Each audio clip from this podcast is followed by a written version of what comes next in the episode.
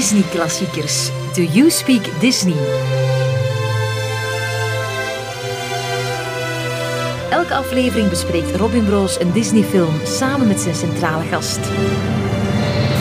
Welkom in aflevering 116 van Disney Klassiekers, waarvoor ik mezelf heb uitgenodigd bij een uh, toch wel vertrouwde Radio 1-stem, bij Annelies Moons. Hallo. Goedemiddag. Goedemiddag. Ja, maar jij hebt eigenlijk al een quasi volledige werkdag achter de rug. Wow. Dat lijkt dat alsof ik heel hard gewerkt heb. Ik heb uh, een podcast opgenomen ook al, ja. Ja, en vanochtend ook al moeten opstaan voor uh, het nageslacht. Zeker, zeker. Dat, is wel, dat zijn zes dagen eigenlijk. Ja, in mijn hoofd is dat zo van wow. Maar hij was goed gezind. Hij heeft mijn ochtendhumeur geërfd al. Um, dus sommige dagen is het zeer moeilijk opstaan, maar vandaag viel het mee. Kijk, goed. En wat maakt het verschil? Wat ja. maakt voor, dat het voor hem een leuke of een goede ochtend is? Als ik hem niet uit zijn diepe slaap moet trekken. Als hij al zo wat half ligt te draaien en ik kan hem dan wakker porren, dat is, dan is het ja. goed. Maar als hij van ver moet komen, dan zegt hij... Nee, mama, ik moet slapen. Nog slapen. Of boeken lezen wilt hij dan ook wel, maar niet opstaan. En waarom wacht je niet gewoon tot dat moment er is? Omdat er zoiets bestaat sinds kort als een schoolbel die gaat, ah, ja. eh, waar ja. we moeten voor op tijd zijn. Vroeger was dat handig, dan wachtte ik en nu... Die luxe zijn we kwijt. Ja, en natuurlijk, er bestaat ook nog iets zoals het uh, professionele leven. Goh, ja, dat begint bij mij toch vaak wat later op de dag. ik moet zelden om negen uur s ochtends presteren. Gelukkig dat is een maar. groot privilege, ja. ja. Maar je maakt voor Radio 1 Leesbaar. Mm -hmm. Dat is een podcast over boeken. Klopt. Dus we gaan het vandaag over film hebben. Ik hoop dat dat geen groot probleem is. Geen groot nee. probleem. Je maakt ook voorproevers, dat is heel soms. Maar dan vooral over um, non-fictie... Um, content op tv, maar vooral eigenlijk boeken weer. Ja, boeken, podcasts, films, uh, dat kan alles zijn, maar het zijn wel vaak boeken, ja. Ja, maar dat is wel jouw ding, hè? want je hebt ooit nog een boekenwinkel gehad. Ja, klopt. Voor wie het zou vergeten zijn. Boekbar. Klopt. Uh, ondertussen, iets meer dan drie jaar geleden zijn we ermee gestopt. En we hebben het ook drie jaar gedaan. Mhm. Mm -hmm. uh, maar het blijft een speciale plek in mijn hart hebben wel, ja. En intussen heb je een eigen boek geschreven. Dus hoe mooi is ja, dat? Eigenlijk. eigenlijk zo qua 360 graden verhaal. Het is zoeken over jouw eerste duizend dagen als moeder. Ja, klopt helemaal. Ja, eigenlijk zijn er nog dingen die je met boeken kan doen, want dan moet ik stilaan beginnen denken wat ik nog kan doen. Want anders heb ik alle uitgever zou ik nog kunnen doen. God, daar heb ik weinig zin in. Ja, waarom? Voorlopig. Ja, omdat er ik, ken, ik heb mijn eigen uitgever, is de beste uitgever ter wereld. Die ga ik nooit kunnen overklassen. Uh, en ik wil er ook niet mee concurreren, dus dan uh, ga ik dat laten passeren. Maar misschien komt er zo ooit een moment in de carrière dat je denkt van, bon, dit heb ik nu wel gedaan. Laat mij ook dat eens proberen en dan bij die uitgeverij. Dat kan natuurlijk wel. Zou kunnen. Ik denk dat ik dan liever een kinderboerderij opricht. Een kinderboerderij, dat is kan ook nog. iets helemaal anders. Ja. Dat is echt iets helemaal anders. Ja, en toch, veel dingen in mijn leven hebben ook altijd met dieren te maken gehad. Dus maar dat was moeilijker om daar een professioneel leven van te maken, tenzij ik dierenarts werd. En dat vond ik dan weer gruwelijk. En de VRT is toch ook altijd een klein beetje een dierentuin? Hey, dat heb jij gezegd, maar ik ben het er wel mee eens. ik mag dat zeggen, want ik ben zelfstandige. Uh, je maakt ook sinds kort een eigen podcast. Ja. Dus eigenlijk zijn we op, ook op dat vlak een beetje uh, collega's van ja, elkaar. Alleen hebben wij nog maar twee afleveringen, uh, ja. wanneer we dit opnemen, en geen 116. Ja. Proficiat daarvoor trouwens. Dankjewel. Ja, ik verschiet er telkens zelf van. Ik probeer dan zo uh, een pauze te laten vallen voor ik het aantal zeg, omdat ik zelf ook altijd schrik van als ik het op mijn scherm zie staan. dus, maar uh, wat kan je vertellen over die podcast? Hij heet Ben ik de Trut?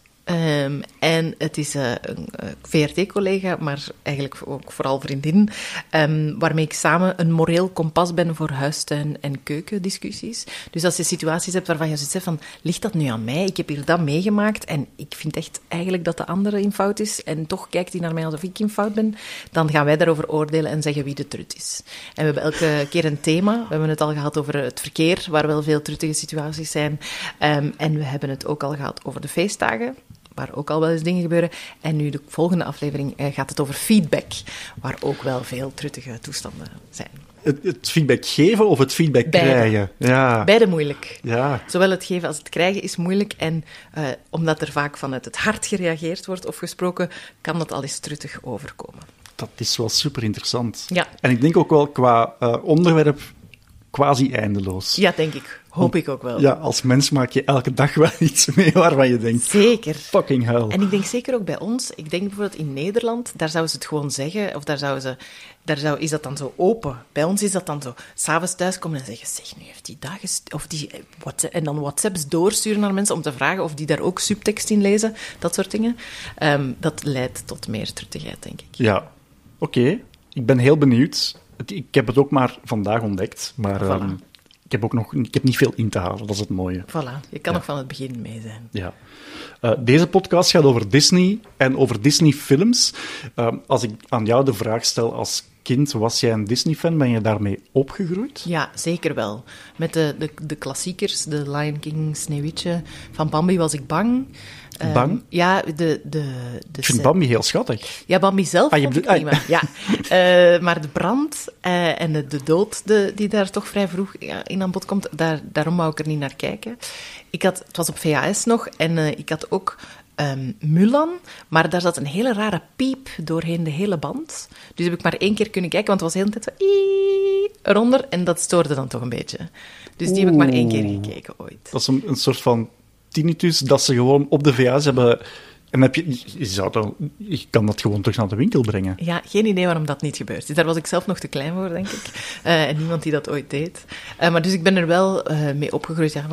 Robin Hood heb ik ook heel veel gekeken. Lady en de Vagebond ging ik altijd ehm, huren in de videotheek, wat toen ook nog een ding was. Ik weet niet, elke keer als we naar de videotheek gingen, moest dat die film zijn. En niemand Omdat- die ooit dacht van laten we hem dan gewoon kopen. Ik denk dat ik dan misschien boos was geworden, omdat we dan nooit meer naar de videotheek gingen of zo. Alle anderen hadden we en die niet. Eh, ja. En dat was dan in het Nederlands? Of? Ja, Ja. ja. allemaal in het Nederlands. Ehm, en dat is ook wel echt hoe ze in mijn hoofd eh, zitten, eh, nog steeds. Ehm, de film die ik het meest gezien heb, is wel The Lion King. Want ik heb ooit in het middelbaar, dus dan waren we al wat later, toen het dvd-tijdperk dan was aangebroken, keek ik nogal veel naar Vitaya. Ik was echt niet het doelpubliek, want ik was 13, 14 jaar. Eh, maar ik keek naar Vitaya, naar zo de... eh, Debbie Travis, zegt ze dan nog iets? Ja, de, de make home makeover original.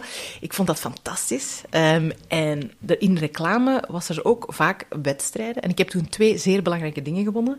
Enerzijds een dvd-pakket van The Lion King.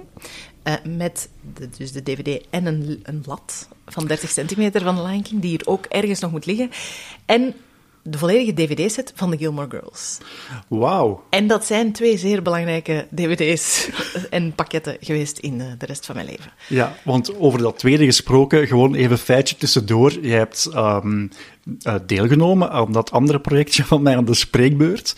En toen had je vooraf nog gezegd, ofwel gaat het gaan over iets heel praktisch, een probleem op het werk, eh, wat ik grappig zou willen uitwerken, ofwel gaat het over Gilmore Girls. Ja, dat waren de enige opties.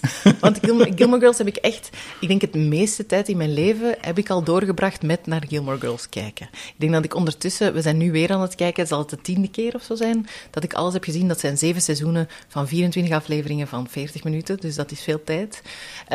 Eh, ja, dat is een soort compagnon in mijn leven. Toen ik de eerste keer keek, was ik zo oud als de dochter. hè, Want het gaat over drie Gilmore Girls eigenlijk. Dochter, moeder, grootmoeder. Ondertussen ben ik de leeftijd van de moeder. Bekijk ik dat allemaal wat anders.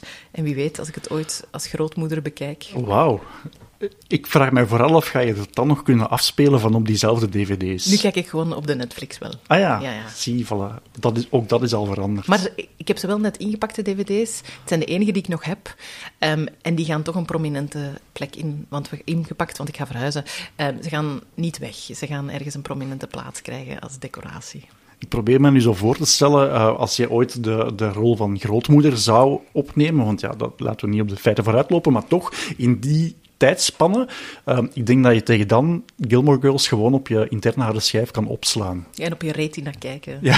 ja, denk het ook. Gewoon, dat zit dan in je hersenen en je moet dan wel kiezen. Dat is een beetje zoals de digicorder vandaag. Ja. Eh, je moet wel plaats maken, maar die gaan er bij je altijd blijven Die opstaan. gaan er altijd blijven op staan, ja. Ja. Dat is ook waarom ik... Want ik probeer altijd maar één streaming service te activeren, omdat op bepaald moment hadden wij Prime en Disney en streams en Netflix. En, dus dan wouden we altijd maar één, maar ik kan Netflix nooit opzeggen, omdat er altijd een moment is dat ik heel grote nood heb aan Gilmore Girls. Te lui ben om de DVD... Ik weet zelfs niet of ik nog een speler heb, ehm, dan te installeren. Dus dan moet ik kunnen op die ene knop duwen. En, Ja, dat is de 9,99 euro per maand wel waard. Zeker, zeker. Het is een soort therapie en dat is veel duurder. En, en ook wel een beetje de luiheid. Ja, Want het ligt op zich wel in huis. Zeker, ja. ja. Ja. Maar mocht er zo'n soort van brein bestaan waar je films op kan downloaden, zou The Lion King er ook permanent op staan? Ja, zeker. Op, op zich is dat eigenlijk ook wel al een beetje. Want ik denk dat ik elk woord nog meer... Ja, de Gilmore Girls is gewoon meer in hoeveelheid. Daar kan ik ook heel veel letterlijk van... Want misschien om te duiden, toen mijn lief, allee, ondertussen mijn man, voor de eerste keer de Gilmore Girls zag, toen zei hij... Ah, daar komen al uw mopjes van. Dus ook 40 Oh, dat moet zo teleurstellend zijn. ja, 40% van mijn persoonlijkheid Ja. is ook eh, de Gilmore Girls. Ehm, dus dat zit ook wel ergens in mij in harde schijf. Maar The Lion King, ja, ik denk dat ik woord voor woord kan, eh, kan meezeggen. Ja, en dat is omdat je die als kind zo vaak gezien hebt. Als kind en dan als puber, en zelfs als ik op de UNIF zat, was er een periode dat ik elke week keek. Elke Eh, week? Ja. Wauw. Dat was ook een soort, ja, zoals mensen comfort food hebben. Ja. Dat, eh, dat, en soms keek ik aandachtig, soms stond dat op als ik aan het koken was. Het was een soort ja, compagnon of zo. Ehm, iets heel troostends, als een, een album dat, dat ik vaak speel of zo. Ja, en was het dan in het Engels of in het Nederlands In het toen? Nederlands. Toen Ja. nog altijd in het Nederlands, ja. Ja. Ja, bij Harry Potter bijvoorbeeld heb ik ergens de overgang naar het Engels wel gemaakt. Maar bij The Lion King, dat, zeker als dat van zo jongs af aan in, in je systeem zit in een bepaalde taal en ook bepaalde stemmen, is dat heel moeilijk om dat nog anders Ja, te horen. ja, ja, inderdaad, om het los te laten eigenlijk. Ehm, heb je hem ooit in het Engels gezien? Eh, de originele? Eh, nee, ik denk het zelfs niet. Ik zal ooit Ik wel denk eens... het wel. Ah ja, ja. Ik was erbij. Ah jawel, ah, jawel, dat was in het Engels. Ah ja, daar lag de focus op iets anders. Ja, natuurlijk. Ja, dat had een kei goeie bruggetje en ik heb het helemaal verkloot. Nee, dat is helemaal niet erg. Nee, ja, maar dus ben- toen ik hoogzwanger was, ben ik, eh, nou, deed jij een inleiding eh, van The Lion King in Cinema Z. En toen ben ik komen kijken. Ah ja, klopt. Ik denk dat mijn focus er, toen ergens anders lag. Met name op het feit dat ik dacht dat ik die dag ging bevallen. Het heeft nog wel even geduur- geduurd daarna. Ehm, maar ik heb hem toen inderdaad in het Engels gezien. Het is mij niet op die manier bijgebleven. Ik heb gewoon in mijn hoofd van, ah ja, toen hebben we naar The King gekeken. Ja. Dus dan viel het wel mee eigenlijk. Maar dus, ik was heel verbaasd dat jullie er waren. Ik was ook wel heel blij dat jullie er waren, uiteraard. Dank u. Eh, maar het is toen pas dat ik besefte, tuurlijk, misschien is zij ook wel een grote Disney-fan. Misschien moet ik haar wel ooit eens vragen voor de podcast. Het doet mij plezier, ja. Ja? Daarom ben ik daartoe naartoe gekomen natuurlijk. Eh, alleen maar zodat ik nu hier zou kunnen zitten. Dat denk, denk niet dat dat helemaal waar is. Ik denk dat het ook wel... Het was overdag, Ja. eh, volgens mij. ja, dat was een zondag. Ja. Denk, een zondagnamiddag of zo. Ja, en ik was toen in de fase dat ik na zeven uur s'avonds te moe was om nog iets te doen. Dus dat hielp. En dat ik Cinema Zet goed genoeg ken, dat ik weet als ik op de zijkant ga zitten, dat ik snel naar het toilet, wat ik ook zes keer heb moeten doen, omdat ik zo zwanger was. Dus Ja. er waren een aantal praktische overwegingen die ook eh, zeer goed waren. En ook wel goed gelegen als je toch heel snel plots naar het Heilige Hart of uh, Gasthuisberg moet gaan. Zeker, ja, zeker. Allemaal belangrijk Ja. in mijn leven. Wel, bijna overwogen om ons kind als tweede naam Mufasa. Allee, we hebben dat echt overwogen. Dus eh, hij heet Hugo Boutsemoons. En het was echt bijna Hugo Mufasa Boutsemoons. Niels heeft daar zelfs een liedje. Mijn, mijn man is muzikant en eh, heeft daar een nummer over geschreven. Dat dat effectief een optie was. We hebben dat toen aan één iemand gevraagd van, is dat een goed idee? En die zei, zijn je zot geworden? En toen hebben we dat niet gedaan. Ik heb daar eigenlijk een beetje spijt van. Ehm, mogen we exposen wie dat, dat gezegd heeft? Het is niemand bekend. Nee, Ja, maar dan dus nog. Dries Pasteels. Ehm, De volgende het is keer. fout. Ja, Ja. Er mag gewezen worden. ja, voilà. eh, ja. Eh, ik, ik ben heel triest door u. Ja, want uiteindelijk is dat toch wel iets heel eh, persoonlijk mooi. Iets wat voor jou belangrijk is, op die manier kunnen vereeuwigen. Klopt, dat is waar. Nu, hij is ook wel al vernoemd naar mijn grootvader, dus... Dat is Dat- sowieso... dat is niet hetzelfde, ja. nee, dat is, dat is belangrijker Ja, voilà. natuurlijk. Ja. Nee, ja, het, het probleem was dat we een beetje te veel keuze hadden voor die tweede naam. Want de, de andere opties waren eh gazpacho, omdat ik extreem veel gazpacho had als ik zwanger was. Oké. Dus we, eigenlijk konden we gewoon niet zo goed kiezen, nog niet. Dat, dat, zou, dat zou ik dan weer wel raar vinden. Daarvan zou ik zo de, de Hugo opmerking... gazpacho klinkt Ja, super je zot geworden? Maar Mufasa. Mufasa. Ja, goed toch? Met de hyena's dan. Voilà. Ja, ja dat, is dan, dat is dan misschien wel weer raar. Kijk, er waren voor- en nadelen. Misschien als we ooit aan een tweede beginnen, eh, wie weet welke naam krijgt hij nog mee. Ja. Wat ik interessant vond, wat je eh, over The Lion King al zei, is dat je ehm, eigenlijk een heleboel scènes quasi uit het hoofd zou kunnen opzeggen. Ik ga je niet vragen om dat te doen, want ja, hoewel, als je, dat- als je heel graag... Nee, voor straks misschien. Ja, het is oké, het is oké. Nee, wie dat dus ook gedaan heeft, was de regisseur van de remake. Dus John Favreau, trouwens, eh, weet je wie dat is? Die naam zegt me wel iets. Ja, die regisseur enfin, die heeft ook een aantal Marvel-films gedaan en speelt daar af en toe ook een kleiner rolletje in, maar wij kennen die vooral als het lief van Monica in Friends. Dat is de rijke man die Monica meeneemt om spaghetti te gaan eten in Rome. En ja, dan, ja. Ik weet wie het is, ja. Man, grappig hè, zo Ja. eigenlijk is dat vandaag een grote regisseur, maar als je dan zegt, dat is die, ja. die, die, die rijke, was hij, was hij niet ook bokser?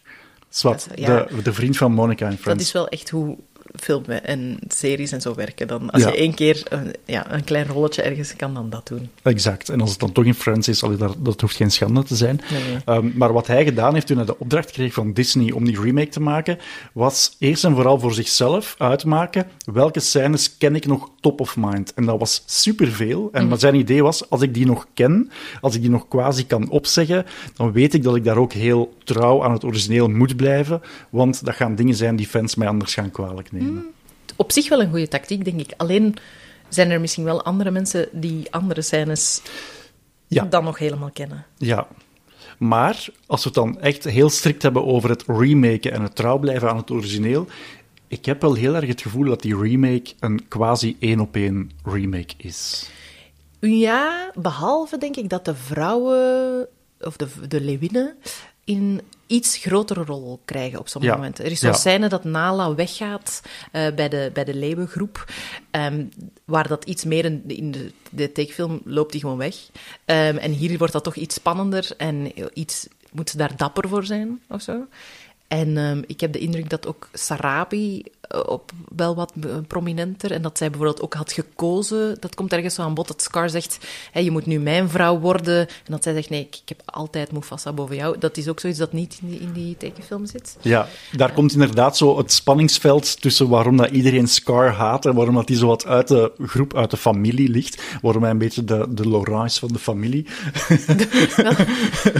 De, de, de Laurent lijkt me iets meer een poesje dan een leeuw. Maar los daarvan snap ik zeer goed wat u bedoelt. Ja. Ja, maar die, is- hij is ook wel... En waarom hij eh, zo kwaad is ook. Ja, ja, Komt ja. allemaal ja. door de liefde eigenlijk. Ja. Maar goed, dat zijn vrouwelijke rollen die interessanter zijn gemaakt. Ja. Daar, daar kunnen we op zich niks tegen hebben, Zeker, natuurlijk. nee. nee. Nee, nee, nee. Ehm, nee, dus het is inderdaad wel redelijk trouw. En ik vraag me dan af, is het daardoor dat je wel nog harder zit op te letten...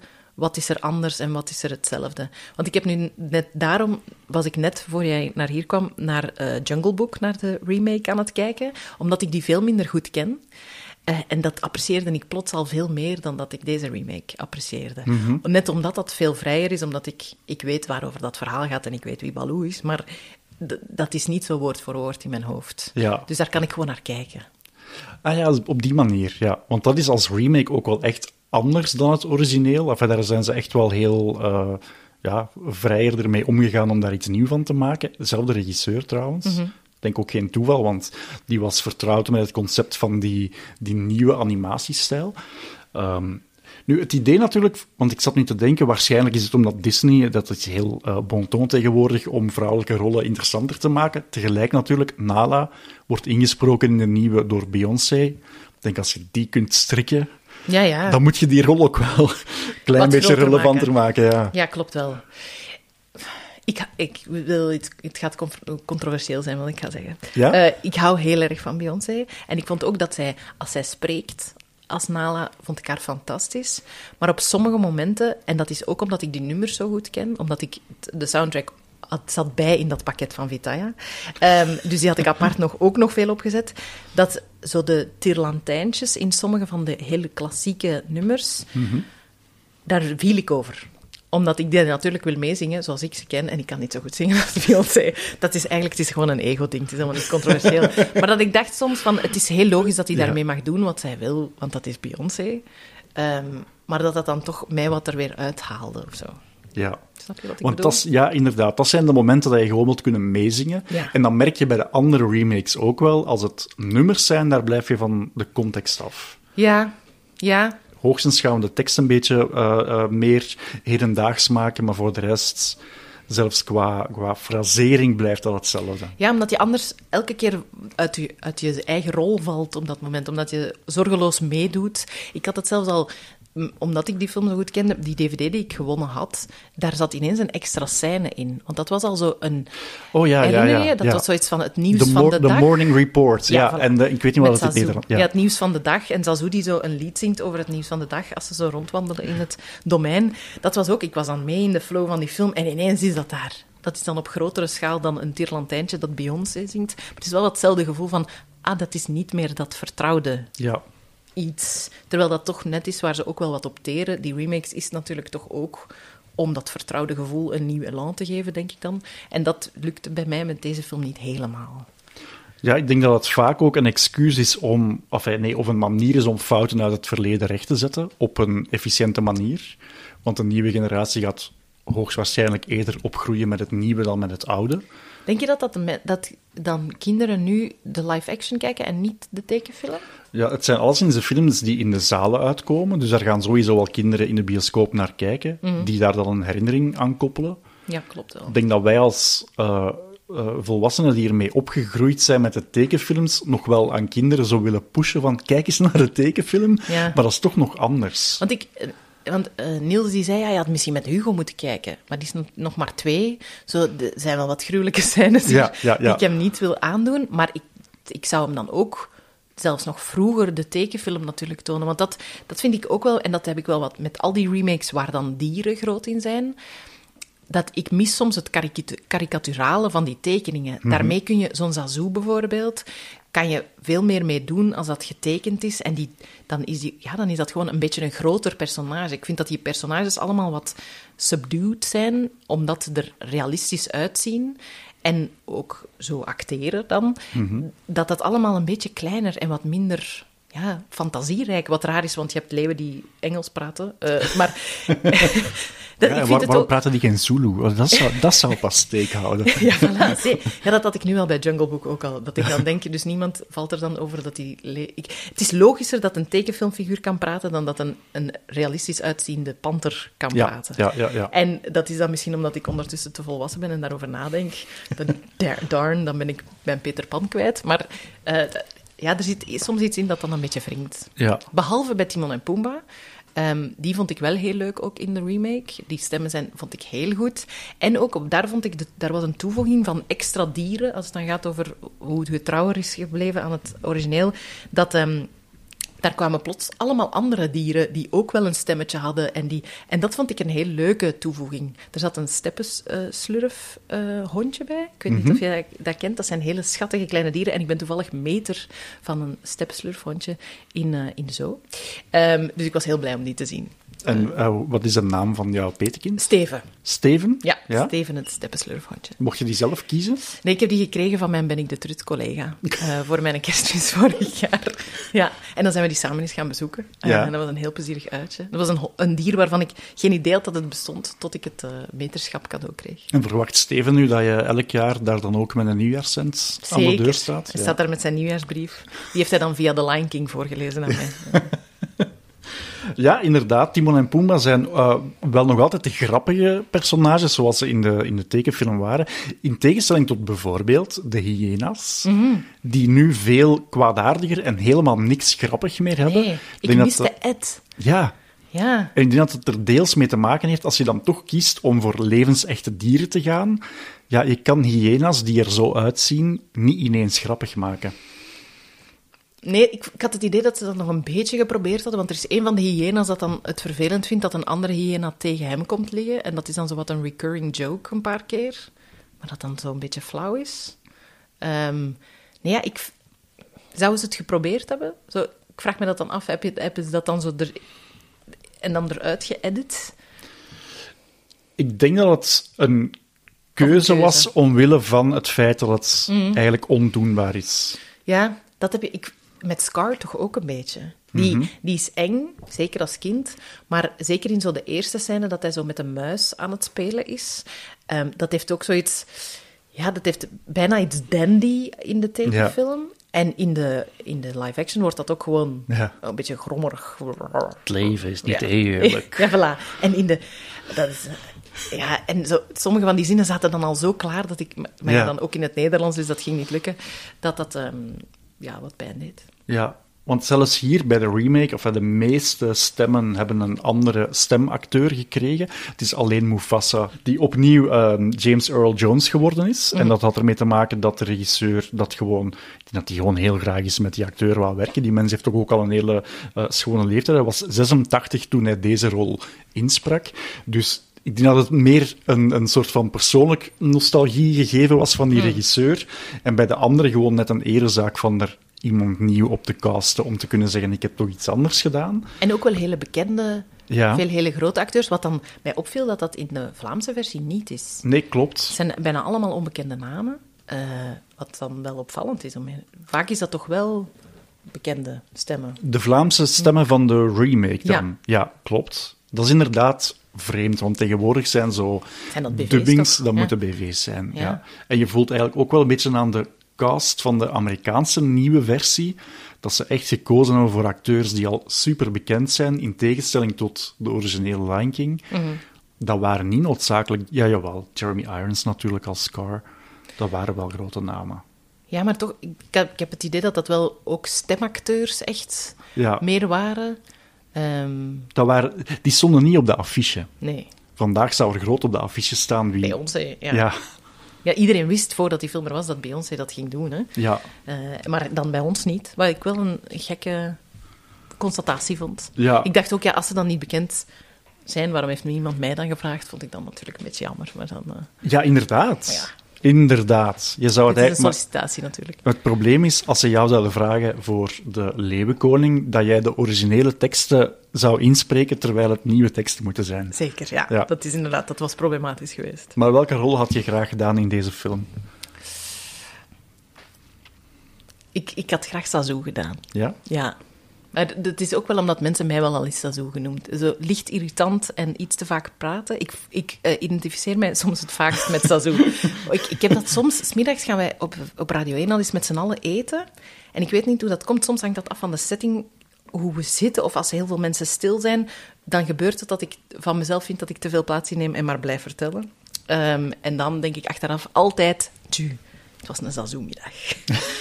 Eh, ja. En dan denk ik dat soms mensen mij onder neushoorns willen eh, la- laten pletten, zodat ze ver weg van mij kunnen lopen. Wat in de remake dan weer anders is. Niet gebeurd, ja. Ja. Ja, dat gaat. Je kan natuurlijk geen piramide van dieren maken als het echte dieren zijn. Nee, dat is een, een van de weinige... Want ja, ik moet het anders beginnen. Ehm, ik keek heel hard uit naar die remake, omdat ik op voorhand wel gelezen had dat de regisseur ging proberen van zo trouw mogelijk te blijven. Ik denk ook dat het voor Disney vooral een, een technische oefening was. Kunnen we dit? Want we noemen het wel een live-action remake, maar er zit op één shot na, maar dat is een fait divers. Het is allemaal geanimeerd. Dus Wat eigenlijk... is dan het, het echte shot? Uh, de openingsscène, wanneer we een beeld zien van de savanne, en dat was eigenlijk puur een erezaak voor de, voor de regisseur, dat is een echt beeld. En om dan achteraf te kunnen zeggen, er zit één echt beeld in, heb je het gezien. Ja. En niemand heeft het gezien, dus om, dat was voor hem dan het bewijs. Zie, Ja. wij zijn erin geslaagd van een wereld te creëren die er één op één uitziet met de echte wereld. Maar dan kom je in die scène, I Just Can't Wait to Be King, was zo heel fantasierijk was in de tekenfilm, want dat is heel kleurrijk grafisch uitgewerkt, heel veel dieren bij. Ja, inderdaad, inderdaad. Ja, dat gaat niet, hè. Nee. Dat kan je niet in het echt, in een zogezegde echte wereld nabootsen. En ik vond, dat, haalde het, dat haalde mij helemaal uit het verhaal. Veel Ja. meer dan wat er op dat moment al gekomen was. Ja, ik denk ook dat ik het... Ik, ik was optimistisch tot dan. Ja, En dat is redelijk vroeg in de film. ja, Ehm, en dan daarna heb ik wel nog gekeken, maar dan was ik, mijn oordeel was wel al wat geveld. ja. Dat is ook gewoon een hele plezierige scène en, en of scènes en een lied en dat, dat kleurrijk en dat er gebeurt zoveel. Ja, en ineens lijkt dat gewoon een hele lange scène voor gewoon een liedje te zingen. Mhm. Ja. ja, en alles is zo wat grijzig Ja. dan. Ja. En zo wat drab is het enige woord. Terwijl het in mijn hoofd zo heel eh, roos-oranje... eh, Ja, frivol, echt. Ja. Ja. Ja, ja. Ja, dat is waar. Terwijl heel dat begin, want daar was ik zelf ook nog heel hoopvol. Oké, Zazu ziet er een beetje anders uit, maar ziet er wel goed uit. De, de- het vliegen naar de Pride Rock is allemaal hetzelfde. En dan zie je die mega schattige pup. eh, pup? Nee, eh eh, kup. Bijna. ja, bijna. Simba. Dat is ja, ongelooflijk mooi. Mhm. Dus op zich, ik denk dat de stijloefening is geslaagd. Ja. ja, zeker. Scar vond ik minder geslaagd. Ik vond het verschil tussen een, een Mufasa en een Scar te klein. Dat is ook omdat in de, in de tekenfilm zijn die zo anders. Mhm. En dat, ja, dat verschil was minder groot, vond ik in deze, in deze versie. Ja, in de tekenfilm hebben ze ook bewust hen gewoon andere kleuren gegeven. Mm. Enfin, het, zijn, het is niet dat de ene blauw en de andere oranje is, maar ja, het, het is wel duidelijk. een- zwarte manen en, ja, Ja. en, en de andere niet heeft bruine Ja. Het valt gewoon heel goed op wie wie is en het is- wie ja, voilà, echt. een- En dan is het ook maar eens zo duidelijk dat Simba dan, als hij groot is, hard op Mufasa lijkt. Nu lijkt hij op alle andere leeuwen. Ja. Wat natuurlijk in het echte eh, dierenleven zo is. Ja. ja. Ja, Ja. Eh, Zazu, want daar waren we over bezig, is in deze remake wordt ingesproken door John Oliver, waarop dat heel veel mensen dachten dat gaat super grappig zijn. Dat is het dan ook weer niet. Nee, die heeft ook wel een kleinere rol, heb ik het... Mhm. Of het is mij niet bijgebleven. De grappigste scène in de tekenfilm ehm, is wanneer Zazu gevangen wordt genomen in een kooitje. Ik heb allemaal kokosnoten in elkaar. Ja, klopt. Ja, waar hij eerst It's a Small World zingt. Ah ja. Uh, dus Ja. eerst zingt hij dat, wordt Scar Ja, boos. ja, ja. Ik weet niet wat het in het Nederlands uh, Wat een kleine wereld toch, zingt hij. Wat eigenlijk het liedje is van de... Dat is een, een, een- dat, is een, dat is een goed geschreven nummer, maar als je dat in de attractie, de uh, gelijknamige attractie in Disneyland doet, en je hoort dat 20 minuten aan een stuk, dan krijg je dat voor de rest van de komende Mhm. drie dagen niet uit je hoofd. Dat is een verschrikkelijk nummer. Ik vond dat heel grappig ook, Mhm. dat Disney dat toelaat om een beetje aan zelfspot te doen op die manier. Dat is er allemaal uitgeschreven. Ja. ja, dat vond ik wel echt... Net als op een bepaald moment in de tekenfilm gebruikt Timon de staart van Pumbaa als een geweer. En doet hij zo... tsch, zoals bij een shotgun.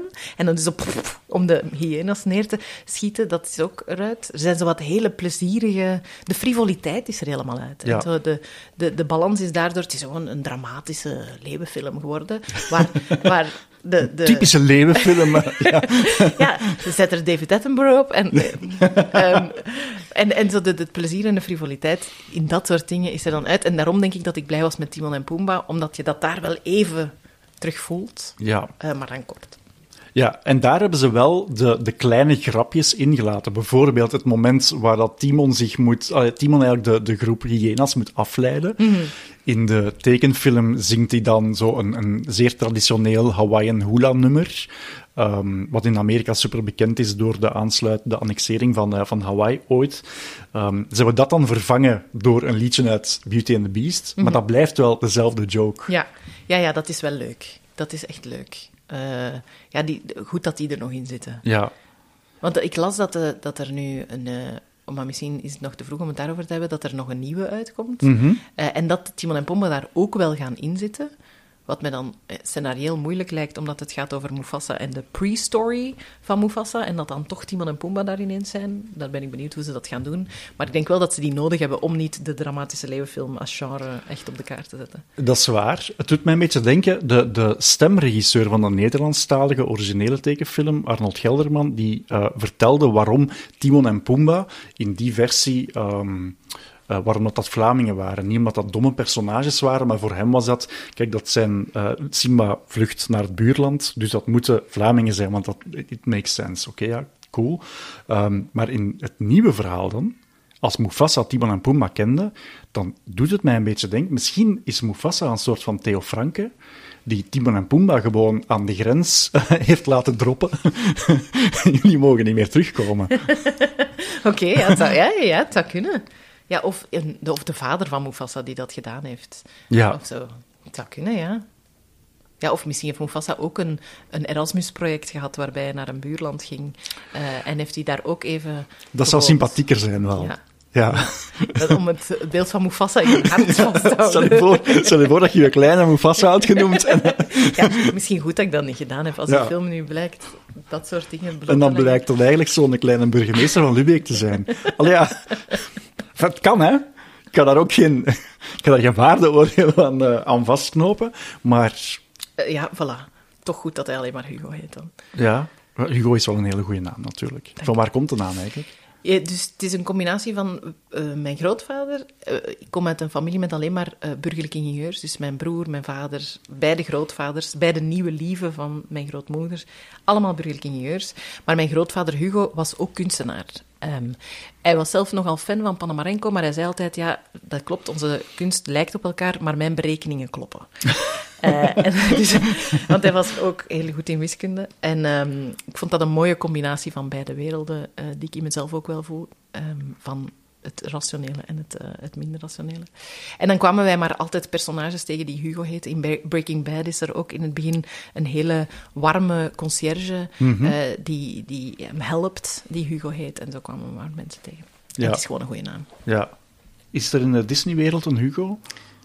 Er is wel zo ook een, een kinderfilm, maar die ik nog niet Ja. gezien heb, omdat ik hem samen met Hugo voor de eerste keer wil zien. In Disney heb ik nog geen ehm, Hugo tegengekomen, denk ik, nee. Ik denk het ook niet. Nee, ik dacht meteen aan Hugo Matthijssen. Wat op zich ook een hele mooie vergelijking is. Ja. Of een mooie hommage. Zeker. Er zijn veel goede Hugo's eh, om hem. En er is ook wel een tekenfilm ehm, van een nijlpaard. In, eh, ja, en er is een heel leuk liedje. Wherever you go, we go Hugo. Ehm, wa- want hè, wherever you go. Ehm, en eh, dat is een heel, zo'n heel eh, jaren tachtig pastellerig nijlpaard dat zo rond, eh rondhost. Ehm, dus ja, veel goede Hugo's. Ja. Kijk hoe. Ik weet niet hoe dat we daar nu bij kwamen, nee, maar niet. het was... maar een Mufasa, de tweede naam. ja. Ja. Als het over Simba gaat, Simba wordt geboren aan het begin van de film, of alleszins wordt voorgesteld aan het volk. Daar zit een, een, een, een nieuwe visuele ingreep. Hij heeft hier blauwe ogen in de remake. En dat heeft ermee te maken dat ehm, die, die, ja, wanneer die geboren worden, dat die blind geboren worden.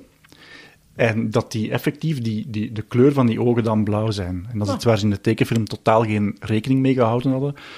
Hoewel dat ik mij wel ineens herinner dat er toen ooit een hele mooie making-of was uitgezonden op TV1 toen nog. En die had ik op videocassette.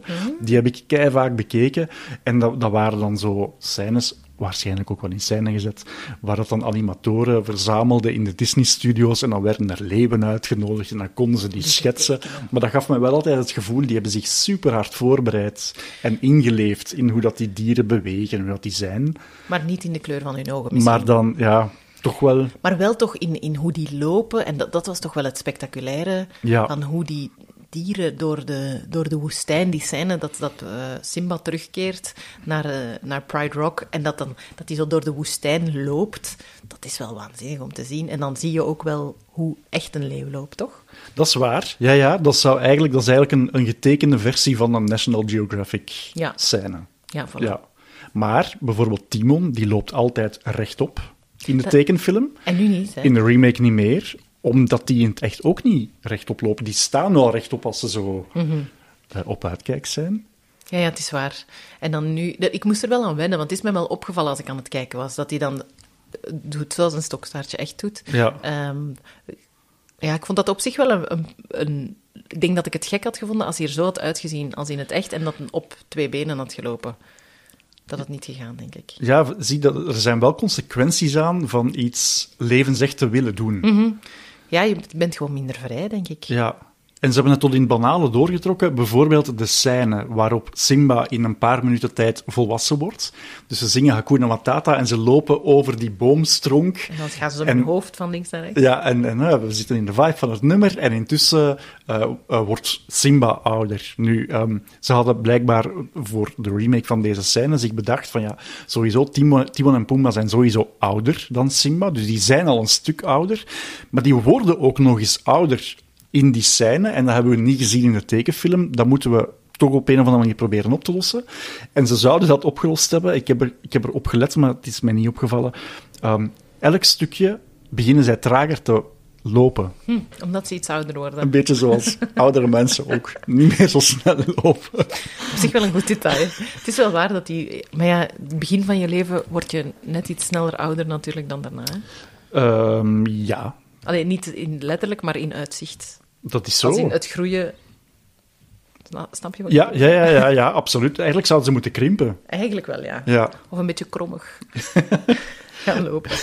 En er is nog één ding, dat is wel grappig, wat ze echt niet levensecht hebben gedaan. Dus mocht je ehm, het dier driedimensioneel kunnen ronddraaien op je computerscherm, is er één ding dat ontbreekt.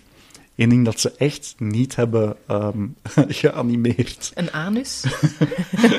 Eigenlijk alles van eh, geslachtsorganen. Ah ja, ja. Die zijn allemaal weggehaald, want het blijft Disney. Ja, ja, dat mogen we niet zien. Dat is een beetje zoals bij Barbies dan. Ja, dat is waar. Zo stel ik het mij dan voor.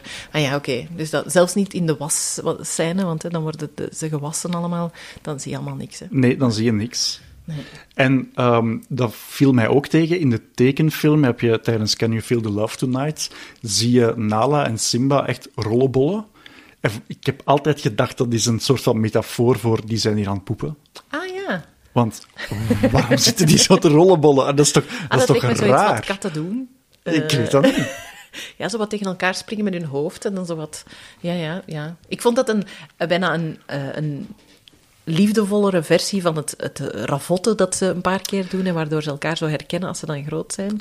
Dat dan in de... Ah, zo. zo De- we zijn het kindse niet verleerd. Ja. En we zijn nog altijd lief voor elkaar. Ja, het zou kunnen. Maar aan het einde is er wel een kleine. Wel waar. En dat is al vrij snel daarna. Dat is wel... Ja, dat weten we niet hoeveel tijd daarover gaat. Want er zijn wel al terug blaadjes aan de bomen en water in de ravijn en zo. Dat is, ook, maar dat, dat is allemaal magisch gebeurd van het moment dat Scar is uitgeschakeld. Yes. En die brand, die, die, die zorgt voor water en groene blaadjes. en een baby. Ja. Ook daar is, vind ik wel wat aan gesleuteld en ik weet niet of het nodig was. Bijvoorbeeld het concept dat Scar aan het einde voor heel de roedel toegeeft dat hij Mufasa heeft vermoord. Dat wordt nu anders gedaan. Het, het enige wat we eigenlijk met zekerheid weten is dat hij Mufasa in de ogen heeft gekeken, terwijl hij daarvoor altijd had beweerd ik ben toegekomen op het moment dat hij al dood was. Ja, dat vond ik een beetje een rare keuze. Want ik vind zo de ik heb Mufasa vermoord. Dat Ja. is wel een legendarisch moment. Mhm. En dat maakt het wel heel duidelijk. Ja, en dan maakt het zo allemaal zo nog donkerder. Ja, en dat hij het dan ook wel oont. Ja. Op een of andere manier. Ja, voilà. Allee, kom, kom, ja. Kom er een keer vooruit voor wat je gedaan hebt. Voilà. Wel een belangrijk ding dat ook wat uitgevaagd is eh, rond het personage Scar, is het nummer aan het begin waar ik heel veel schrik van had. Be prepared. Ja, sta paraat. Goed zo dat wij die anders eh. Ik denk dat dat komt door het feit... Ja, ik heb die tekenfilm in de bioscoop gezien in het Nederlands sowieso. En wij hadden die ook in het Nederlands op videocassette. Maar dat, dat was een van de eerste soundtracks die ik op cd had. En dat was in het Engels. En die cd is echt letterlijk grijs gedraaid. Zalig. De- de- dat woord is uitgevonden voor mijn cd van The Lion King. Ehm, dus vandaar dat ik Be Prepared ken. Dat nummer is veel korter in de remake. Maar eigenlijk ging het er zelfs niet in zitten, omdat Disney vond dat je heeft een te hoog nazi-gehalte. En dat, dat, ja, daar willen we eigenlijk niet meer mee geassocieerd worden. Terwijl ik denk, ja, aan de ene kant, alles met nazi's verdient Oscars, dus doe het gewoon. en anderzijds, ja, maar dat, het zet ook wel meteen de toon voor waar dat personage voor staat. Namelijk Ja. een soort van totalitair regime. Iedereen moet in de pas lopen. Dat, ja, dat, zelfs in En een wij zijn musical. superieur. Ja, exact. Zelfs in een musical, want The Lion King is vrij snel ook een Broadway musical geworden. Dat is een super mooie scène daarin. Mhm. De manier hoe dat, ja, hoe, inderdaad, ja, die beetje die, die, die nazi-symboliek en allemaal. Ja, dat is in echt zo militair pas. marcheren, Ja, hè? ja. En dat is zo met groen en zwart in de, in de tekenfilm. Dat is heel intimiderend. Mhm. En dat is echt een leger dat vertrekt. En dat, ik vond dat, en dat was inderdaad, nu was dat zo precies, ah ja, we zullen dan eens, alsof ze op schoolreis vertrekken bijna. Eh, de- ik vond ook dat je in de tekenfilm eh, is er al een, duidelijk een band tussen Scar en de hyena's op voorhand. En nu komt hij daar binnen En- zomaar en, en- zegt: ja. Ah, kom jongens, we, gaan eh, we gaan wel leeuwen vermoorden. Hij moet die hun vertrouwen nog winnen, terwijl ja, ze gaan daar wel wat snel over. Mhm. Ja, dat vond ik minder goed. Ja. En inderdaad, dat nummer was ik super bang voor ook. Eh, dat voelde ik ook. Dat was, ik skipte dat ook wel. Dat zal niet grijs geweest zijn op mijn CD. Het was nog blinkend. Echt, echt het nummer ook skippen. Ja, ja. ik vond het. Ja, Op zich is dat wel een heel goed nummer. ja maar ik zie het echt voor. Ja. Een andere reden ook waarom dat ze het er niet wilden insteken, los van het nazisme, was omdat de nieuwe stemacteur, Chiwetel Ejiofor, dat die heel slecht kan zingen. Maar dus het kwam er eigenlijk op neer dat ze bij Disney dachten, ja, dat, dat is twee vliegen in één klap, dan hebben we de- die link niet meer met ehm, de Tweede Wereldoorlog en dan hoeven we hem ook niet te laten zingen. Maar het was dan toch de regisseur die erop stond van, ja, we, we hebben dat moment wel nodig. Ja, maar dan is het zo wat halfse, halfse gat, Ja. ik ze hier zeggen. Ehm, en dat is dan... Zo zijn er wel, wel wat keuzes. Zo de halfse gat eh, keuzes, vind ik. Ja. Kan je zo top of mind er nog eentje geven? Ehm, ja, bijvoorbeeld dan zo, wat jij zei, van het is wel een grappig moment dat Timon de hyenas moet afleiden, maar dan daarna doen zij ook nog heel grappig mee in die strijd in de tekenfilm. Dus veel dingen zijn voor mij dan... We zullen de essentie houden, maar de rest mag dan verdwijnen. Ja. Ehm, dus dat vond ik daar ook wel. Ja, en dan de grappigheid van de hyena's vond ik ook half gat. Dan zo dat tegen elkaar gaan liggen, maar dan niet echt grappig zijn. Nee, het, het, is denk ik echt een bewuste keuze geweest van als we ze er dan toch gevaarlijk laten uitzien, kunnen ze niet grappig zijn, maar het dan toch wel willen proberen, dan zouden ze beter gewoon gaan voor de keuze. Ja, ja, voilà. Ga er dan voor staan en doe dan iets helemaal anders. Ja, ja. ja. ja. sta paraat. Sta paraat voor je keuze. Ja. Um, en ja, om, om nog even het hoofdstukje Scar af te ronden aan het einde, dat zou een, een bewuste knipoog geweest zijn naar zijn eigen werk. John Favreau, de regisseur, had dus ook de Jungle Book um, geredirect. En um, de manier hoe Scar uiteindelijk valt van de cliff en hoe dat uh, um, Simba hem eigenlijk overmeestert, mm -hmm. is een beetje anders dan in de tekenfilm en is hier eigenlijk een één op één vergelijking met hoe Shere Khan uiteindelijk in de brand valt tijdens de Jungle Book. Ook een scène die niet in de originele tekenfilm zat. Mm, ja. Is dat dan belangrijker dan...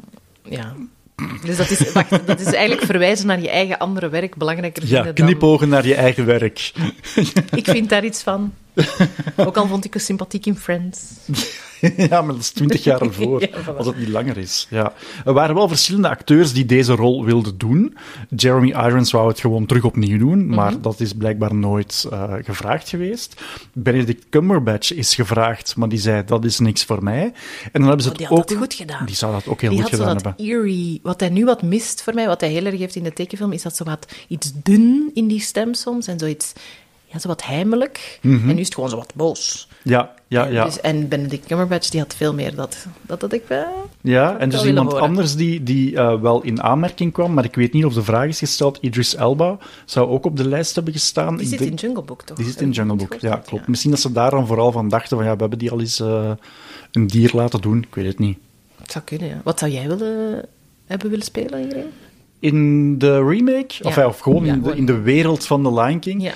Um, Goh, ik denk zo, Timon of Pumbaa, dat dat wel het tofste is. Ja. Dat je daar heel veel vrijheid in hebt. Ja, klopt. En ze mochten in de remake ook wel scherper zijn.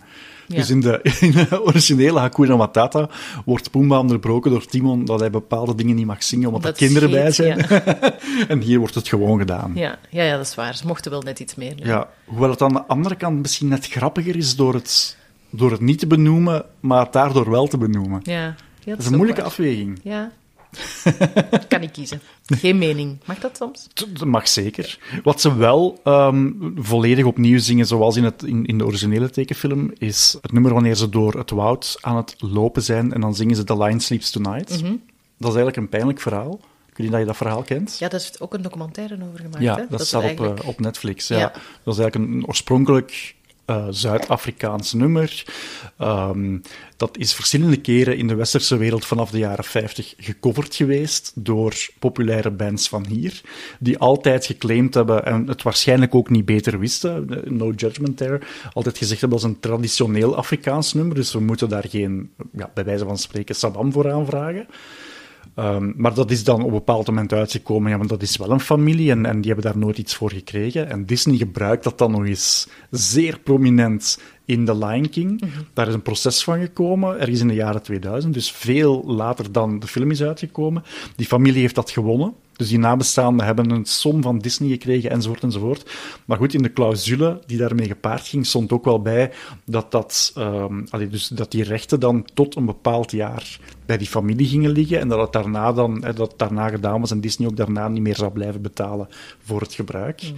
En deze film komt zo een jaar na het verstrijken van die datum. Dat vind ik een beetje lullig. Ja, dat is, dat, Vooral, meer dan lullig, ja. ja babbel dan nog eens met die mensen voordat die film uitkomt. Die hebben dat ook maar moeten ontdekken in de bioscoop. Ja. Dat ze het opnieuw, hen eigenlijk opnieuw gelapt hebben. Ja. ja, en dan moet je dat gewoon, dat moet je gewoon niet doen. En zo'n bedrijf als Disney, wat maakt het hen uit? Ze kunnen er alleen maar sympathieker uitkomen Ja. door vooraf te zeggen: hey, we hebben die mensen nog eens 50, we- eh, 50 miljoen, nee, dat is misschien veel. We hebben die nog eens een grote som geld gegeven. Komt alleen maar beter eruit. Ja, klopt. Ja, je kunt je sympathiek maken en dat, zo'n bedrag zal ook niet het verschil maken v- Nee. voor hun, denk ik. Nee, zeker niet voor zo'n film. Nee. Dat is een peanuts in, in het budget. En daarom vind ik die, die live-action remakes, of in dit ja, animatie-remakes, zo gemakkelijk. Je weet dat je uit de kosten gaat komen. Want er zijn genoeg mensen die, die, dat, die dat willen zien. Het is een verhaal dat zich al bewezen heeft, die een fanbase heeft, die gaan allemaal kijken, want die willen weten van, oh, er is toch niet aan mijn verhaal gekomen? Wij hebben het gedaan. Maar ga- ik, kijk, ik, heb wel maar, ik ga maar één keer kijken ooit. Ja, En niet in de cinema. Nee, maar zij rekenen de, eh, het succes van een film gewoon puur op de box office en het tweede leven daarna. Zoals vroeger videocassettes of nu Disney Plus, dat is, dat is nog heel moeilijk te meten. Ja, ja. Ja, ja de, de, het feit dat ik 500 miljoen keer naar die DVD gekeken heb, daar hebben zij niks aan natuurlijk. Nee, maar ze hebben nu wel ooit een DVD verkocht. Dat, zelfs dat Gewonnen, doen ze. hè?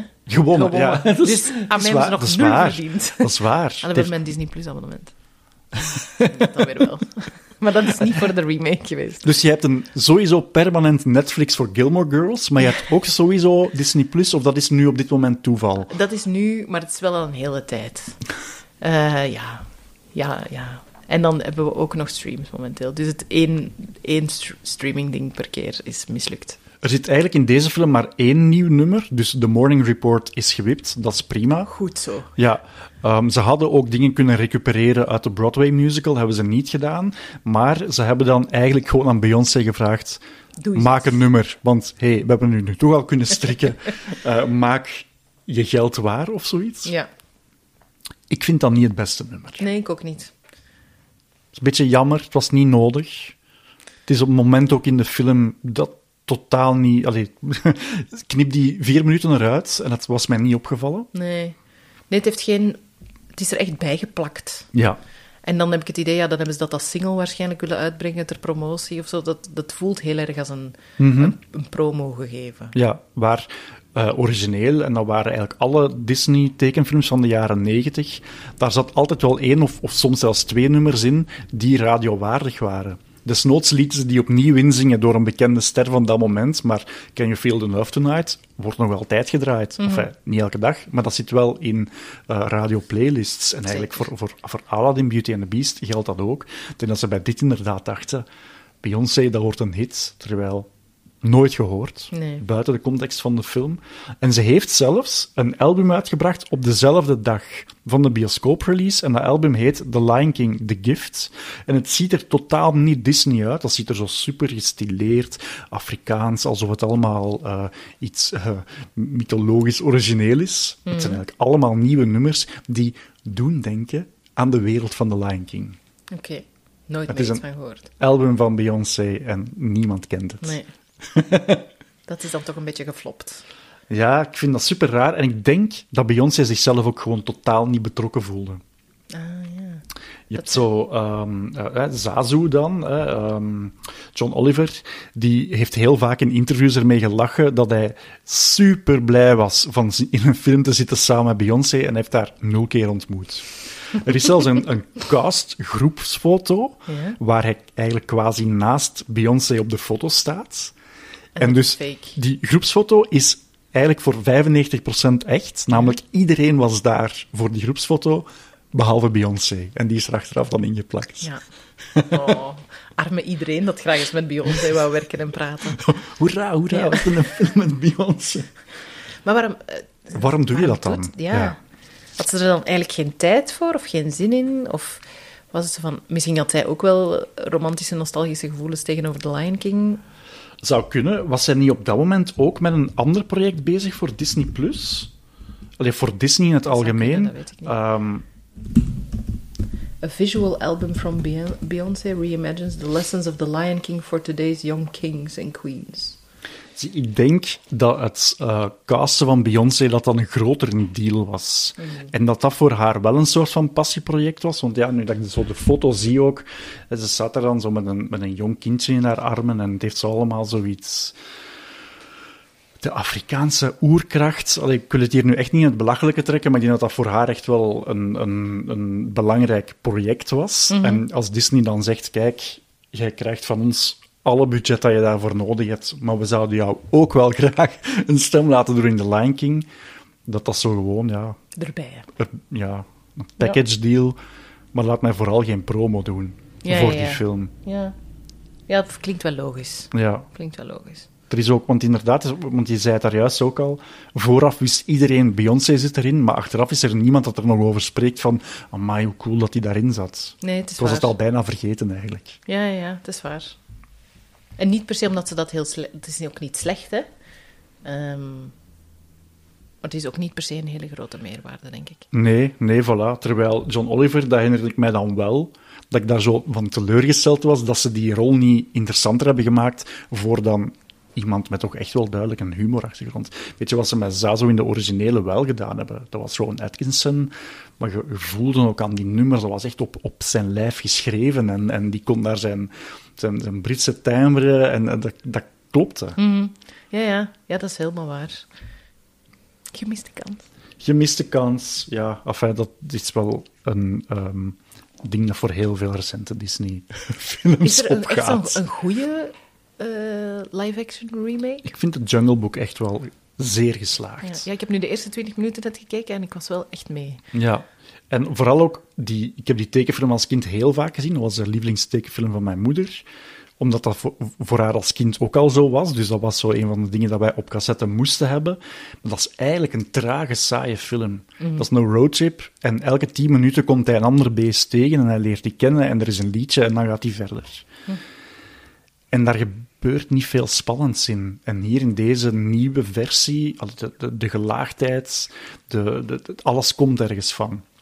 Ja, ik ben benieuwd. Oké, dan ga ik zeker verder kijken. En ja, de technologie werd.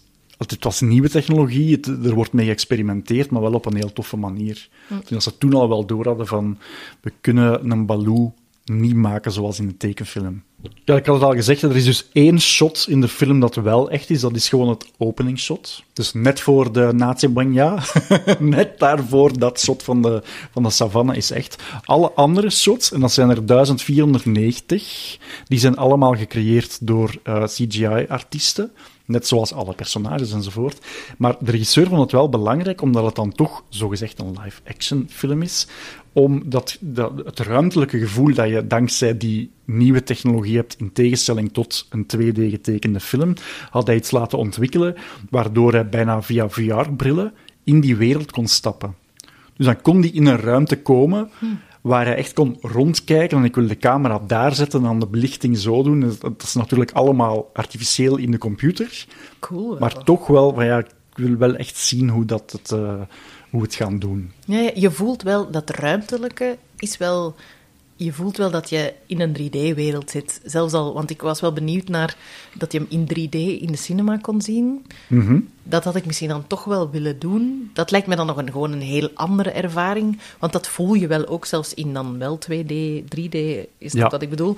Dat daar wel die ruimtelijkheid zit daar wel in. En dat is wel, dat is wel cool gemaakt. Dat ziet er wel goed uit, hè? Ja, ja, absoluut. absoluut. Eh, er zitten ook 86 verschillende diersoorten in de film. En dat hadden we al opgemerkt, zo bijvoorbeeld ook het stuk met Timon en Pumbaa. Het is wel leuk dat zo die, die werelden wat uitgebreid worden. Ja. Want anders denk ik, nou, het is misschien wat overdreven, dat je ze bijna op twee handen kan tellen.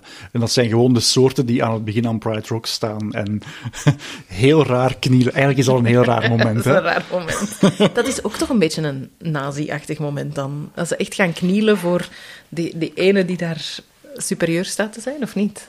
Of zou dat niet een beetje hetzelfde zijn als hoe dat mensen destijds opkeken gewoon naar royals? Waarom we staan hier nu met z'n allen, zo- van die Britse trouwfeesten, staan toch ook een hele massa voor.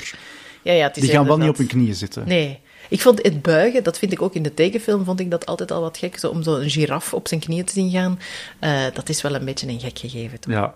En vooral dat die eigenlijk moeten respect tonen tegen dieren dat hen waarschijnlijk drie scènes later gaan, Gaan gaan opeten, doden ja. om op te eten.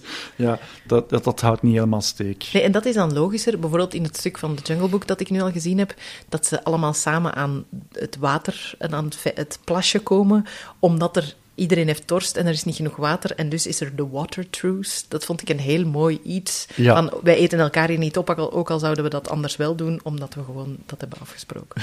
En de- wat Dat is- ook... Is een keigoede afspraak Ja, eigenlijk. ja, eh, gewoon al dat, als we dat zouden projecteren op de problematieken in de wereld vandaag, we zouden het heel eenvoudig kunnen oplossen. Hè? Zeker, 100% zeker. Ja. Gewoon een klein beetje meer naar de Jungle Book kijken. En alle problemen, Gaza, Oekraïne, noem maar op, zou Allemaal eigenlijk opgelost. allemaal opgelost kunnen worden. Ja. Ja. Was het maar waar. Was het maar waar. Er komt wel veel samen in, in zo'n film. Dat vind, ik ik heb The Lion King wat dat betreft altijd wel een, een heel strafsterk verhaal gevonden, omdat er zoveel dingen in samenkomen. Want kan je nog echt zeggen waar dat over gaat voor jou? Want dat, omdat ik dat al zoveel gezien heb en omdat dat zoveel in mij leeft bijna... Ik, ik leef in jou, is dat bijna zelfs nog een nummer van een referentie. eh, dat ik... Ik kan de thema's daar bijna niet uithalen. Kan je dat wel? Het gaat denk ik in de eerste plaats over wat je als ouder, of in dit geval als vader, wil doorgeven aan je zoon. En het wordt dan wel verpakt als zijnde, ehm dat is de troonsopvolger, dat is belangrijk, maar eigenlijk zo de, de, de levenslessen die Mufasa wilt doorgeven, en ook al is dat maar in die eerste tien minuten, en komt hij daarna heel raar in de wolken terug tevoorschijn. Ik denk dat dat wel, omdat dat ook de cirkel rondmaakt. En nu heb ik het niet over de Circle of Life, maar de film begint en eindigt ook wel met exact hetzelfde. Ja. En met dat respect voor alles en iedereen en het soort, de waarde die je eigenlijk doorgeeft en waar Simba dan niet aan kan ontkomen, omdat die in hem zijn doorgegeven. Die zijn al doorgegeven. Ja. Die heeft hij. Ja. Of ook het concept van de kringloop van het leven vind ik wel iets mooi om mee te geven aan kinderen. Ja, ja zeker. Ja, en, dat, ja. en het respect dat daarmee mee gepaard gaat. Ja. Ja, ja.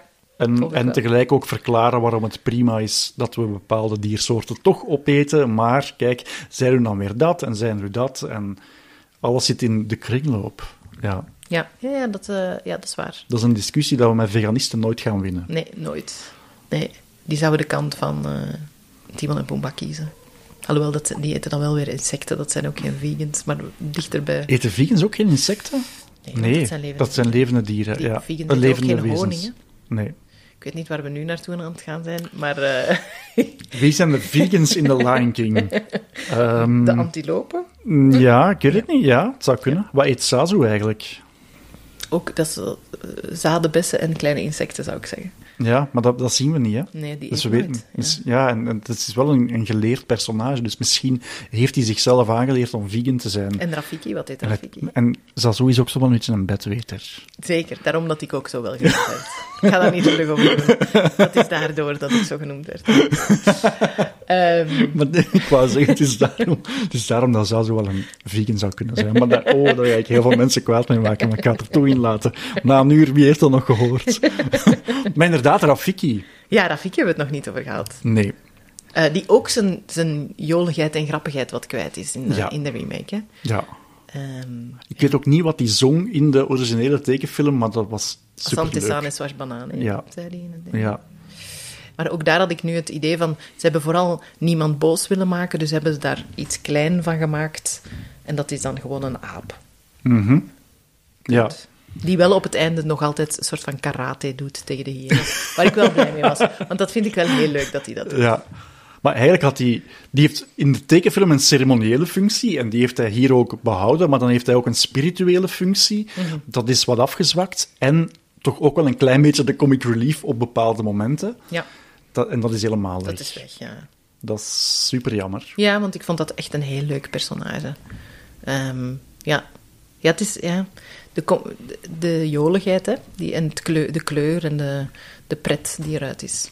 Wat, wat natuurlijk wel het voordeel van dat type aap is, dat hij wel wat kleur heeft, maar zelfs dan ziet hij er nu redelijk kleurloos uit. En ook in het echt hebben die echt een ander soort poep nog. Veel, veel imposanter. En dat hebben ze toch ook maar wat geairbrushed. Ja. Mooi gemaakt. Ja, dat is Disney, hè. Ja. De lelijke kantjes zijn eraf en de joligheid ook. Eigenlijk zou zo'n John Favreau eigenlijk is voor de sport, mocht hij ooit niet meer voor Disney werken, want die zijn natuurlijk niet vast in dienst, eigenlijk kan hij doen wat hij wil. Die zou eigenlijk eens zo'n versie moeten maken, al was het maar van vijf minuten. Hoe zou het eruit zien als het echt echt was?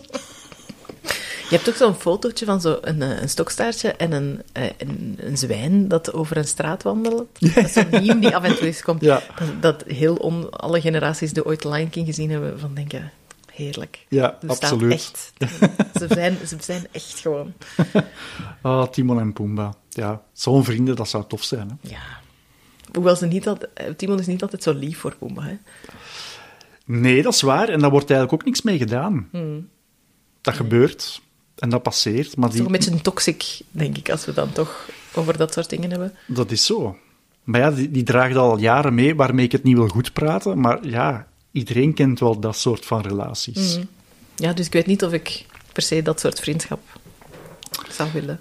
Nee, maar van erbij te komen... Dat wel, ja. dat wel. Dus eigenlijk Simba zijn. ja. Ja. En ook, ja, ook dat vind ik, het concept van die Hakuna Matata vind ik wel fantastisch. Mm. Eigenlijk zit er zo heel veel van die, zonder het nu te, te willen overdrijven, wel wat levenslessen in. Die wij als kind op een of andere manier toch meegedragen hebben. Ja, het is waar. Ja, dat is wel waar. En misschien is dat ook wel... Ja. Dat is gek, omdat het nooit moraliserend wordt of zo. Ik heb nooit het idee dat het belerend of... Het is inderdaad, er zitten mooie dingen in. Ik zit al heel de hele tijd in mijn hoofd met Inupendi. Heb je dat ooit gezien? Dat is van de een of andere vervolg. En dat, echt, dat nummer zit nu in mijn hoofd, terwijl ik dat echt niet wil. Ja, en spijt daar me. juist had je het over He Lives in You, Ja. wat ook uit een vervolgfilm Ah, ook? Ah, ja, komt. dus- Ja, En hoewel ik die toch minder heb gezien. eh. ja. Ehm, Zat dat mee in jouw dvd-pakket misschien? De, Nee, maar ik had dan wel genoeg zo de, de goesting om dan alles van alles te hebben dat- waar ik al iets van had. Dan wou ik toch de volledigheid van de verzameling. ah, ja, Hoewel ja. ik wel denk dat dat toch de Lion King 2 daar ook bij zat. Ja, ik denk het wel. Maar niet, de derde, niet die waar Timon en Pumbaa zo hun verslag doen, maar de tweede met, wat is het, Kivu en Kiara? Mm, ja, het zou kunnen. Je- ja. Heb je die ooit? zo? Nee. Nee? Ja, jawel, ik heb dat ooit gezien, maar ik heb daar Nee. geen herinnering meer aan. Ah, ja. Het is ook niet echt de moeite. Dat waren zo van die eh, straight-to-videocassette films. En ik vond dat zelfs als, als kind al minder waardig gemaakt. Ja, klopt. Het was Ik was wel wat snobistisch als het op mijn. Disney-films aankwam.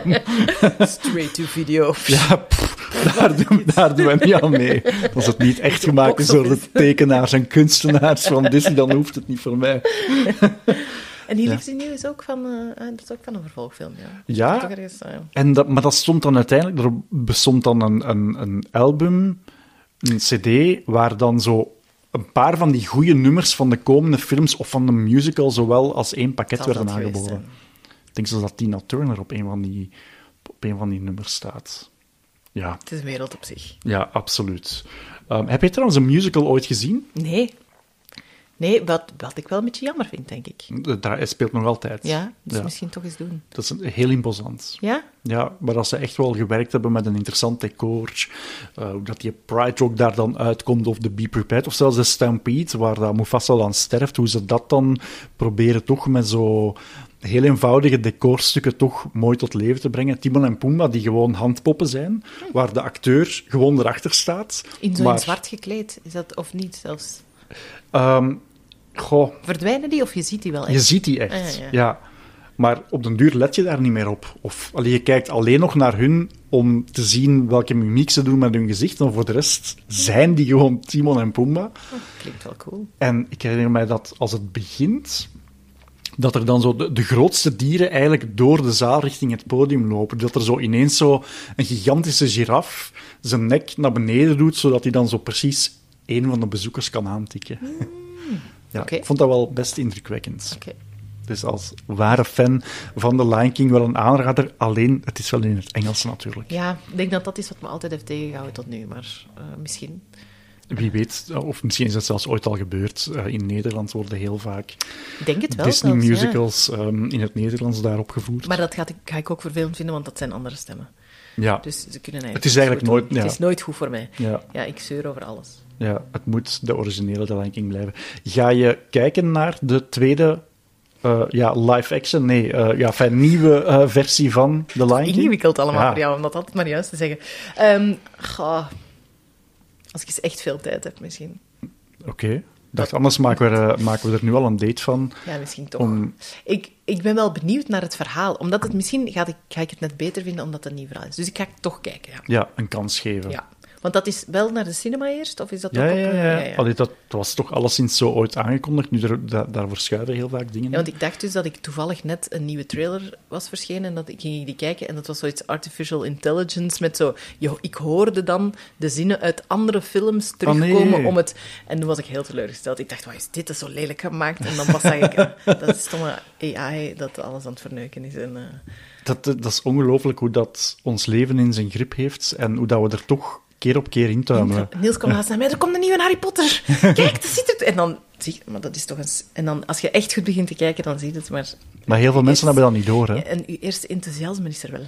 Ja, dat is het ergste. Dat doet pijn. Dat je jezelf dan eigenlijk moet duidelijk maken van je bent enthousiast geworden over iets wat, eh, wat niet meer van tel is. Ik vraag mij vooral af wie dan in je nieuwe film de muziek gaat doen. Want origineel hadden we liedjes van Elton John en Tim Rice en een score van Hans Zimmer. Maar Hans Zimmer is niet meer de Hans Zimmer van toen. Nee. Als hij daar een Dunkirk-achtige score van maakt, dan Zitten we in de dramatische leeuwenfilms? dan, denk, ja, dan zitten we sowieso in het segment dramatische levenfilms en dan ga ik heel hard roepen. Eh, en Elton John gaat dat ook niet meer doen, denk ik. Nee, Die heeft zijn afscheid aangekondigd, die heeft zijn concerten gedaan. dat was wel goed trouwens. Ik, ik ben daar zijn afscheidstournee geweest. Serieus, ja? daar ook? Nee. och, dat was wel waanzinnig. Ehm, ik denk dat ze daar radicaal een andere keuze moeten maken. Ik hoop het. Ja. de, vooral dat Zimmer, en dan neem ik hem wel heel erg kwalijk, ik wil het toch eens één keer gezegd hebben. In die grote shows, de Hans Zimmer shows, waar hij dan zo zelf de rockster speelt op het podium, als je dan een sequentie hebt van The Lion King, dan is dat The Circle of Life. Maar dat heeft hij niet geschreven, En waarom doet hij dat dan? omdat dat het bekendste is van de film. Maar dan denk ik, ja, Nee, doe het dan gewoon niet. nee. Ik vind dat heel Dat raar. is onzin, ja. Ja. Ja. Maar. Hans Zimmer, die komt met alles weg, blijkbaar. ja, omdat mensen dat niet weten, dat hij dat niet geschreven heeft. Ja, het zou kunnen. Dan denk je, ja, die man gaat dat toch niet doen als dat niet van hem is. en zo claimt hij dus eigenlijk de Circle of Life voor zichzelf. Terwijl dat eigenlijk van Elton John is. Die daarna ook nooit meer iets voor Disney gedaan heeft. Dus dat is wel een beetje gek. Dat was wel een topcombinatie. Eigenlijk, dat, dat is nog wel interessant. Eigenlijk was die tweede keus. Allee, als in, ehm, je had daarvoor De Kleine Zeemermin, Ja. Beauty and the Beasts, ehm, Aladdin. En de volgende grote tekenfilm ging Pocahontas worden. Dat was logisch in die chronologie, namelijk terug een prinsessenfilm. Maar omdat Disney als tekenfilmstudio terug zo populair was geworden, wilden ze meer produceren om dus op een jaar tijd dubbel te kunnen cashen.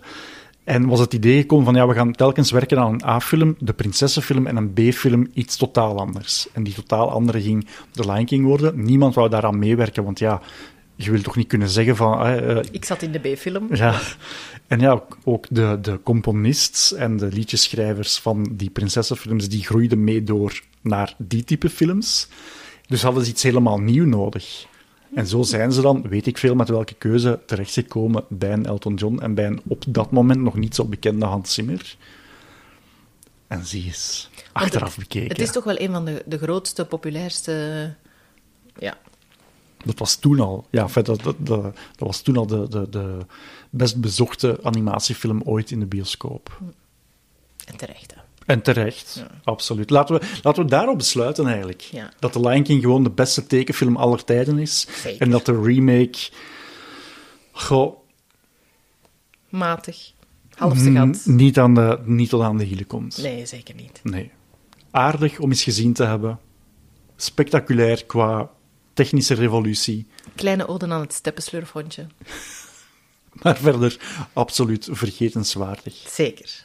Maar wat het dat niet was, is eh, eh, onze geweldige middag hier. Ah, wel, dat het daartoe heeft geleid. Dan, is- dan, dan heeft het bestaansrecht. Prachtig. Ik ben toch blij dat ik nog in jullie oude huis geweest ben.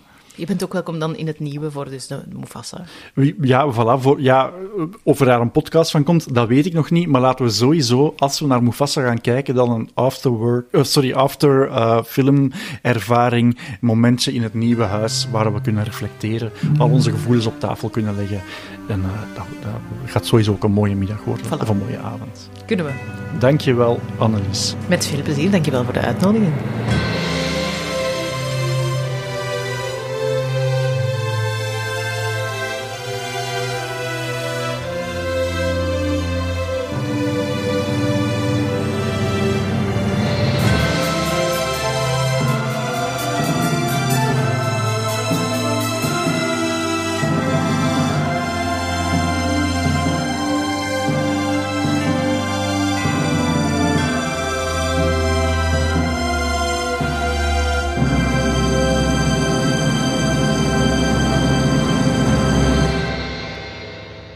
Je vragen of opmerkingen naar robin.robinbroos.be of post ze onder de hashtag Disney Klassiekers.